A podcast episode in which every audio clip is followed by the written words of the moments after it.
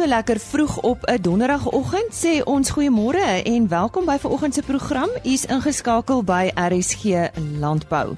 Ons praat vanoggend met PMA oor die Fresh Connections konferensie wat eh, in Julie maand daar in Kaapstad gehou word. Die belastingseisoen is om die draai en ons hoor meer wat eh, Frans van Eden te sê het oor vanjaar se belastingseisoen en hy fokus spesifiek op die individu en ons hoor wat met die rand en sagte kommoditeitspryse gebeur.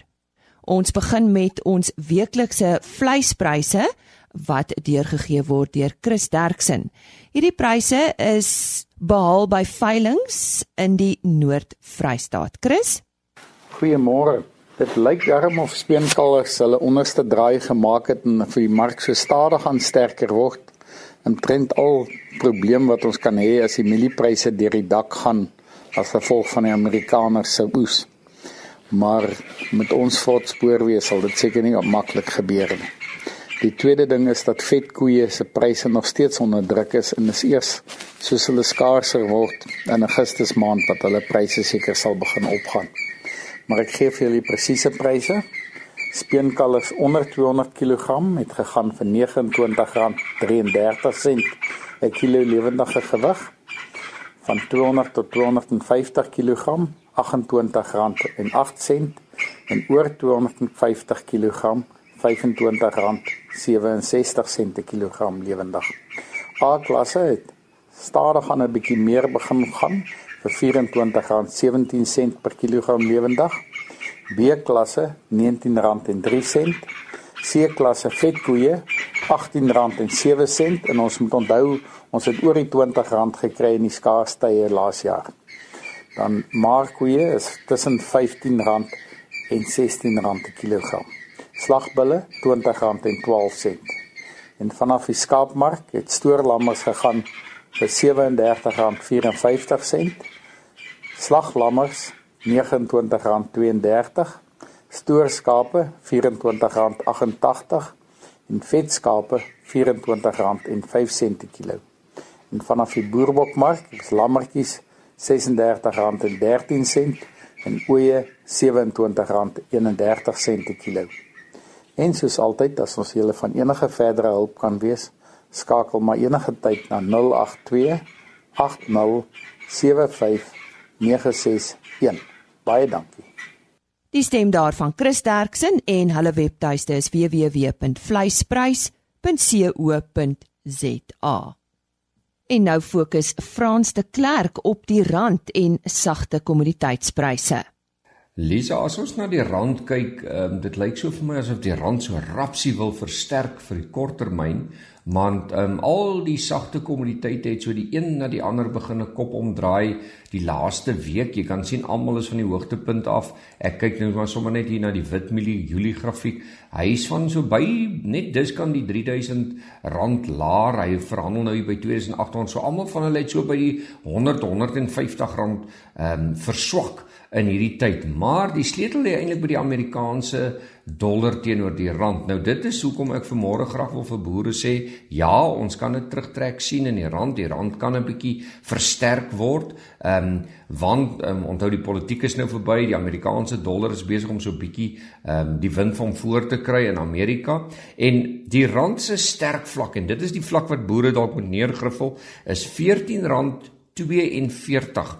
Die rand verhandel nou rondom hier tussen vlakke van 14.65 en 14.70, maar as hy naby aan 14.42 kom, dan ontwikkel hy weer 'n band wat jy kan amper sê 'n verswakkende band want hy's dan net bo sy 40 week bewegende gemiddelde op 'n langtermyn grafiek. Met ander woorde, die boere kan dophou as die rand na 14.40, 14.42 begine beweeg en die rand begin weer daarvan af begin verswak, dan kan jy maar weet jou sagte kommoditeite gaan daarvan af weer begin 'n kop optel. So boere moet net so bietjie aan die um, in die gedagte hou dat die rand op die oomblik steeds in 'n verswakkende kanaal is. Hy kan tydelik versterk en ek sal eers positief raak oor die rand en bekommerd raak oor sagte kommoditeitspryse as die rand onder R14 24 in beweeg want dit is presies die 40 week langtermyn bewegende gemiddelde van ehm um, die rand met ander woorde terwyl die rand lyk soos hy nou klou aan jou sagte kommoditeite ehm um, daar is natuurlik nou prysdruk van byvoorbeeld mielies en sonblom van daardie kommoditeite wat boere begin lewer aan aan groot koöperasies en graanhuise maar ek dink kom ons fokus op die rand. Dit lyk of die rand weer in die toekoms kan verder verswak, maar ons belangrike vlak is interessant. 1442, 1444 en 1424 vir die medium tot die langtermyn. Die stem daarvan Frans de Klerk en 'n e-posadres vir hom is frans@fransdeklerk.com. Ons gesels volgende oor die 2019 PMA Fresh Connections Suid-Afrika konferensie wat hierdie jaar plaasvind en ons gesels uh, natuurlik altyd hieroor met die hoofbestuurder van PMA in Suidelike Afrika en sy is Lindy Stroebel. Lindy nou ons het nou gepraat van Fresh Connections en PMA, maar kom ons vertel net eers vinnig vir ons luisteraars, wie is die PMA? Ja, dankie Lise en dankie vir die geleentheid. Ehm um, die PMA of Produce Marketing Association, ehm um, sy naam sê wat hy is. Ons is 'n assosiasie van rolspelers in die varsprodukte industrie. Van die insetkant reg deur tot die supermarkte. Ehm um, die grootste deel van ons lidmaatskap is dan ons boere en ons uitvoerders ook. So dis die rolspelers wat 'n belang het in die toekoms van die vrugte en groente industrie. Ons het natuurlik vyf fokusareas waarop ons nou alles baseer en en ehm um, geleenthede wat die mense bymekaar bring, maar essensieel die wat lid is en die wat betrokke is in die netwerk, skoei saam aan die toekoms en ehm um, bly ingelig oor die tendense en wat die toekoms ehm um, meebring vir die varsprodukte industrie. En wat is Fresh Connections? Kyk die Fresh Connections geleentheid wat ons aanbied is een van 'n hele reeks Fresh Connections konferensies reg deur die wêreld. En um, ons is nou gefokus op die Suidelike Afrika netwerk. En om die Suidelike Afrika netwerk die geleentheid te gee om so bymekaar te kom om te netwerk te hoor wat is die nuutste die beste in die in die ehm um, ehm um, onlangste tendense wat ons nou ervaar in die industrie en ook te leer wat is die toepassing en hoe dit hulle beïnvloed. So hierdie konferensie is dan nie net vir die plaaslike netwerk nie, maar om die plaaslike netwerk soos ons sê die koneksie te gee met die internasionale omgewing. En wanneer is hierdie konferensie vanjaar, Lindy? Ons bied dit aan op die 30ste en die 31ste Julie en dit gaan by Century City Konferensiesentrum in Kaapstad wees. En wie sal nou so iets bywoon? Lise, um, ons samestelling van mense wat daar bywoon, die grootste deel is van Suidelike Afrika, baie van ons boere, baie van ons uitvoerders van dit raak direk aan hulle markte en um die die tegnologieontwikkeling en die in die ehm um, verwagtinge daar buite van die verbruiker wat hulle op moet ingelig wees. Maar dan natuurlik het ons ook, ons het insetverskaffers wat baie betrokke is veral in ons handelskou wat saam met dit loop. Baie insetverskaffers want hulle weet daar is die boere en hulle gaan daarso hulle produkte en hulle nuwe tegnologie en hulle ehm um, dienste gaan hulle kan tentoonstel so hulle woon ook almal by. En dan baie belangrik, Ons het um internasionale kopers, 'n hele handvol of wat wat regdeur van China, Europa en um selfs uit uit Midde-Ooste waar ons kopers het wat kom so hulle is ook daar en ons het sover omtrent al die supermarkte plaaslik, as ek sê plaaslik in die suidelike omgewing, suidelike Afrika omgewing wat ook gaan bywoon. Kom ons praat oor die inhoud van uh, hierdie 2 dae want dit uh, bestaan seker uit verskeie fokusareas en uh, miskien kan jy net vir ons sê wat is dit wat jy wil adresseer juis hierdie jaar? Ja, graag Lize. Ons het um, ons het basies ons konferensie opgebreek in sewe omvattende sessies. Um en ons gaan in hierdie sessies 'n baie goeie fokus hê op die markte. Daar's een sessie wat ons kyk na die nuwe tradisionele en die potensiële internasionale markte en ons het selfs internasionale kopers wat by daai sessies praat dan het ons 'n groot fokus op Afrika. Nie net oor die industrie nie, maar oor besigheid in Afrika. Wat is die potensiaal? En ons ons fokus dalk so bietjie meer op die entrepreneurskap, die ehm um, potensiaal van beleggings en en party ontwikkelings rondom daar. Ons het daar 'n persoon, Dr. Rutenga Ndingwe, hy's van Deloitte wat ook vir ons praat oor besigheid in Afrika. Dan bring ons ook oor plaaslik. Ehm um, wat gebeur met die verbruiker plaaslik? Ons noem dit die industry insights. Ehm um, en wat wat sien ons en wat kan ons verwag in daai omgewing? Natuurlik 'n baie belangrike sessie vir ons is volhoubaarheid. En ons sê ook, wat is hierdie soos ons sê sustainable future? En ehm um, daar kyk ons, ons het van die ehm um, Hollandse ambassade inset oor die visie wat hulle sien die wêreld heen gaan en ook van die ehm um, die die WWF ehm um, waar hulle vir hulle vir ons ook 'n bydrae gaan maak. Ons bring ook supermarkte daar betrokke want hulle moet ons as verbruiker se behoeftes rondom 'n volhoubare toekoms met hulle aanspreek. So hulle gaan dit saam met die industrie rolspelers bespreek om te verstaan. Ons het dan ook ehm um, so 'n bietjie oor die tegnologie. Almal praat oor die disruption. Dis nou so 'n term wat almal gebruik oor wat is die nuwe tegnologie en wat verander die markte. Maar ons vra wat nou? So ons het hierdie sprekers oor ehm um, uh, hierdie drone tegnologie wat gebruik word, uh blockchain, ekskuus vir die Engelse terminologie, maar ehm um, al daai tipe van in die markte, wat beteken dit vir die varsprodukte industrie? Ons het ook 'n so 'n tipe van 'n verrassing vir die industrie en dit is so inspirasie wat ons inbring en hier het ons vir Joel Stransky ingebring. Nou dit klink nou vreemd want so selfs met die oploop na die Wêreldbeker rugby het ons hom nou heel toepaslik ingebring om ons te vertel hoe besigheid aanpasbaar moet wees en soos wat hy in 6 sekondes 'n besluit moes maak om 'n dropkick oor die Paulus in in 1995 met die wêreldbeker moes oopskop hoe het daai vinnige besluitneming 'n um, 'n 'n wedstryd omgedraai en hoe dit uh, in die besigheidsomgewing ook inbring. So ons bring bietjie daai inset insaal ook vir die besighede. Lindy, as daar mense is wat belangstel om nou hierdie geleentheid by te woon, ehm um, enige iemand kan dit bywoon. Ja, enigiemand kan dit bywoon. Dis oop. Die ons registrasie is ook al oop. Ehm um, en vir meer inligting kan hulle my graag kontak by lstroebel@pma.com of hulle kan op ons webwerf gaan kyk. Gaan kyk spesifiek op pma.com en dan onder ons ehm um, events is daar ons Fresh Connections Southern Africa gelys met al die inligting wat jy nodig het. Ehm um, as dit nie voldoende inligting is vir wat jy spesifiek wil weet nie, asseblief ehm um, kan die mense my graag 'n e-pos stuur en ons sal dadelik terugkom na hulle toe. En die persoon wat nou vir ons vertel het van die Fresh Connections konferensie wat op 30 en 31 Julie in Kaapstad gehou word, is Lindy Stroebel en sy is hoofbestuurder van PMA in Suidelike Afrika en net weer haar e-posadres is lstroebel@pma.com. Maar besoek gerus ook die PMA webtuiste vir meer inligting.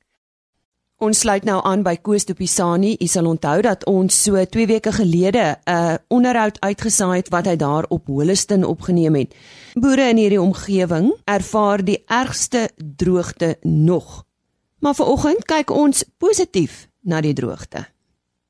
In so 'n droogte situasie is mense geneig om baie negatief te wees en hulle sien nie die uh, die die donker kant van die situasie raak. Jan Frederik van Skalkwyk is een van die mense wat meer positief is oor die situasie en hy sien ook 'n paar positiewe dinge raak. Ek het met hom gesels om uh uit te vind uh hoe hy die die droogte ervaar. Ja Frederik, droogte is nie vir almal maklik nie. Maar uh jy sien 'n paar positiewe punte ook in die situasie. Um wat is dit?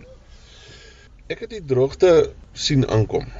Toe die droogte begine kom, is ook die tyd wat my seun plaas toe gekom het, hy klaar gemaak op Elsenburg en uh kom boer en uh ons het toe vir mekaar gesê hoe gaan ons hierdie droogte aanpas. Nou ehm um, ons het gegaan en ons het begin beplanning doen rondom hokke, rondom krale, rondom voere, rondom al sulke goed en ons het 'n paar rand gevat en ons het dit geïnvesteer in ons boerdery. Ons het heelwat krale rondom ons huis gemaak. Ons het ehm um, gaan en ek het vir my uh, nog ekstra um, hekke gekoop wat ons gou vinnig kan opslaan as dat uh, ooe is wat probleem met met hulle lammers en sulke goed. Ek het tot vir my scanmasjien gekoop. Ehm um, en daardeur kan 'n mens redelik jou skaaptroppe monitor. Ehm um, en en en uh, dit dis se goed wat vir my positief gemaak het rondom hierdie droogte. Ons moet dit anders te aanpas as wat ons ou voorvaders het aangepas het rondom die droogte ewe skielik weet ons presies ons met die scan hoeveel oeye het ons tweelingers ons begin berei hulle voor vir lamtyd en sulke goed hoeveel oeye is gis ons moet weer bysit en sulke goed. Maar wat my baie opgewonde maak en dit is iets wat my gaan bybly die res van my lewe is rondom hoeveel prikkelvoeding het ons nie al vir ons diere gegee in hierdie 3 4 jaar met die droogte nie. Op die einde van die dag ehm um, prikkelvoeding besef ek is die mees belangrikste gedeelte as dit kom by ramgee tyd en sulke goed in hierdie droogte tyd. Rondom hierdie voer en die goed moet jy net die droogte moet jy bestuur. Ehm um, en ek glo daaraan en dit is die boodskap wat ek elke aand en elke oggend aan my seun en my vrou toe uitdra. As ons die oomblik is ons negatief geraak rondom hierdie droogte, moet ons ons skaap verkoop en ons hekke sluit en ons moet aanbeweeg ons moet groener weivelde loop soek. So um, ons het gekies om in so 'n wêreld te wees. So daarom ons moet aanpas. Ons moet in 'n ekstensiewe wêreld moet ons intensief begin boer want ons begin boer teen predatore soos jakkalse, rooi katte. Ek het nou in 'n kwessie van 14 dae het ons 16 lammers verloor.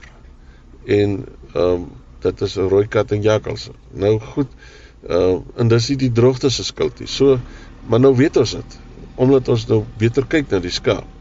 So ons kan nie alles vir die droogte die skuld gee nie. Um jou bestuurstyl moes jy verander het en jy moes dit al lankal verander het.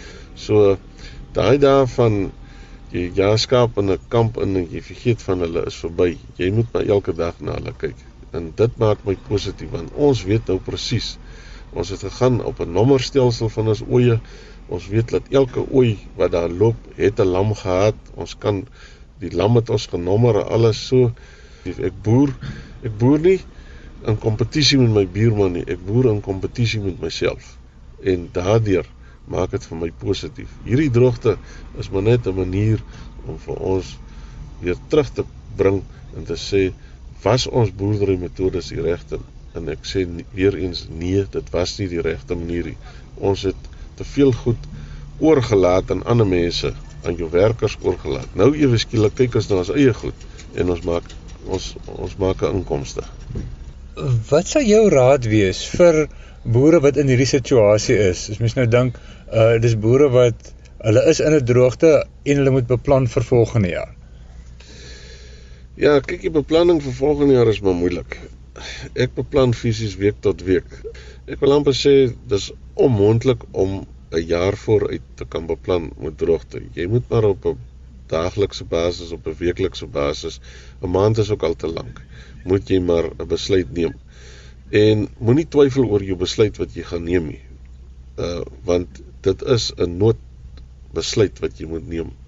So al wat ek net sê is ehm um, te danke aan Holliston Vleiskoöperasie met hierdie ordentlike voerkraal wat hy opgesit het, lei ek lank nie meer lammers direk na die markte nie. Ek vat dit op tot op 'n sekere punt. Ek gee hom vir die voerkraal. Ek het my geld in my hand en ek gee my ooi weer uh, ram. Ehm um, so dit help nie meer ons wil nou 40 50 kg lammers in in die mark instoot nie die kos is te duur daarvoor. Ek gee dit vir die koöperasie. Hulle kry die voer goedkoper as wat ek in die hande. So ehm um, en op die ou end van die dag hou ek hom help ek hom om die deure van die van die van die gemeenskap op te hou deur my uh goed nog steeds hier te laat slag. So ja, ehm um, my beplanning en my seuns se beplanning, ons sit fisies Vrydagoggende dan sê ons maar okay, dit het ons nodig, soveel geld moet ons vir uh hê vir volgende week en hy bemerk dan 'n klomp lammers um, aan die voerkraal dat ons genoeg geld het om genodige kos en die goed te koop en ons lewensstandaarde kan handhaaf. So um, hy moes maar gegaan het of hy nou nie wou nie, maar hy moes 'n boeke kursus loop doen het en hy moet die boeke doen en ons sit en ons neem besluite. So so dit help nie ons ons sit hande gevou nie. Koos de Pisani wat daar gesels het met Jan Frederik van Skalkwyk. Hy is 'n boer daar in die Holliston omgewing. Die belastingseisoen is verseker nie iemand se gunsteling seisoen nie. En laat heelwat van ons elke jaar met ons hande in ons hare. Frans van Eden gee ons nou 'n paar wenke oor hoe om lewendig aan die ander kant uit te kom en ons hoor ook sommer hoe ons in die proses 'n paar rand kan spaar Frans. Ja, ehm um, lekker om jou weer in die ateljee te hê. Wanneer begin die belastingseisoen? Lig ons bietjie in. Okay, ja, die belastingseisoen begin natuurlik vir almal in Julie. So daar's twee verskillende tipes belastingseisoene. Daar is die belastingseisoen vir voorlopige belastingbetalers wat tot en met einde Januarie volgende jaar loop en dan ook natuurlik die nie voorlopige belastingbetalers en dit is gewoonlik van dis was altyd tot November, maar laas jaar was dit tot einde Oktober gewees. Ons het nie dieselfde periode hierdie jaar ook. Wat beteken dit nou eintlik as ons sê die belastingseisoen het begin? So Lise, waarna mens verwys dan is eintlik maar dat jy jou belastingopgawe moet indien. Nou ons weet natuurlik en ons gaan nou nie daarna gaan nie, dis baie deurgetrap die afgelope tyd in die media, maar baie mense hoef nou nie meer in te dien nie omdat die belastingperk verhoog is vir mense om in vir indienings. Nou wat dit beteken is, af wanneer jy 'n opgawe gaan indien, dan moet jy natuurlik al jou papierwerk bymekaar maak en jy dan 'n vensterperiode van omtrent 4 maande as jy 'n nie voorlopige belastingbetaler is om jou opgawe in te dien by SARS en dan nou verslag te gee van hoeveel inkomste jy gekry het sodat hulle kan sien of jy regtig veel belasting oorbetaal het. Meeste mense en dan nou ook landbouers smag daarna om hulle belastinglaste verminder. Is daar maniere vir individue om dit te doen, Frans? Ja, Lise, daar is natuurlik ons het nou al gepraat in verlede oor trust se belasting en wat daar gedoen kan word en maatskappye se belasting, maar ons het nog nooit regtig gekyk na individue nie. Nou, daar is goed wat individue kan doen en dis basies in twee kategorieë. Dis jou eenvoudige aftrekkings wat almal weet en almal doen dit algeval en dan sal jy 'n bietjie moeiliker goed wat jy kan doen wat bietjie meer beplanning verg en wat ook 'n bietjie meer strukturering aan jou kant verg. Nou, vir die meer ingewikkelde goed, jy kan nou niks meer daaraan doen nie. Um, jy moet dit doen basies 'n jaar vooruit en dan elke dag daaraan werk of elke maand daaraan werk om dit in plek te hou. Maar jy eenvoudig goed, dit is soos jou mediese fonds sertifikaat wat jy kry en jou anniteitsuitgawes, al daai goedjies wat jy in plek het waar jy elke jaar 'n belastingsertifikaat kry vir die bydraes wat jy maak. Nou jy het vroeër genoem dat daar aftrekkings is waarvan baie mense vergeet. Wat wat is hierdie aftrekkings en hoe kan ek as individu daarvan gebruik maak? So Elise, daardie aftrekkings is natuurlik goed soos byvoorbeeld 'n beurs. Het jy kinders tussen graad R en graad 12 op skool, dan kwalifiseer jy vir 'n beurs van jou werkgewer af. Daai beurs is belastingvry in jou hande. So dis R20000 per jaar per kind wat jy kan kry.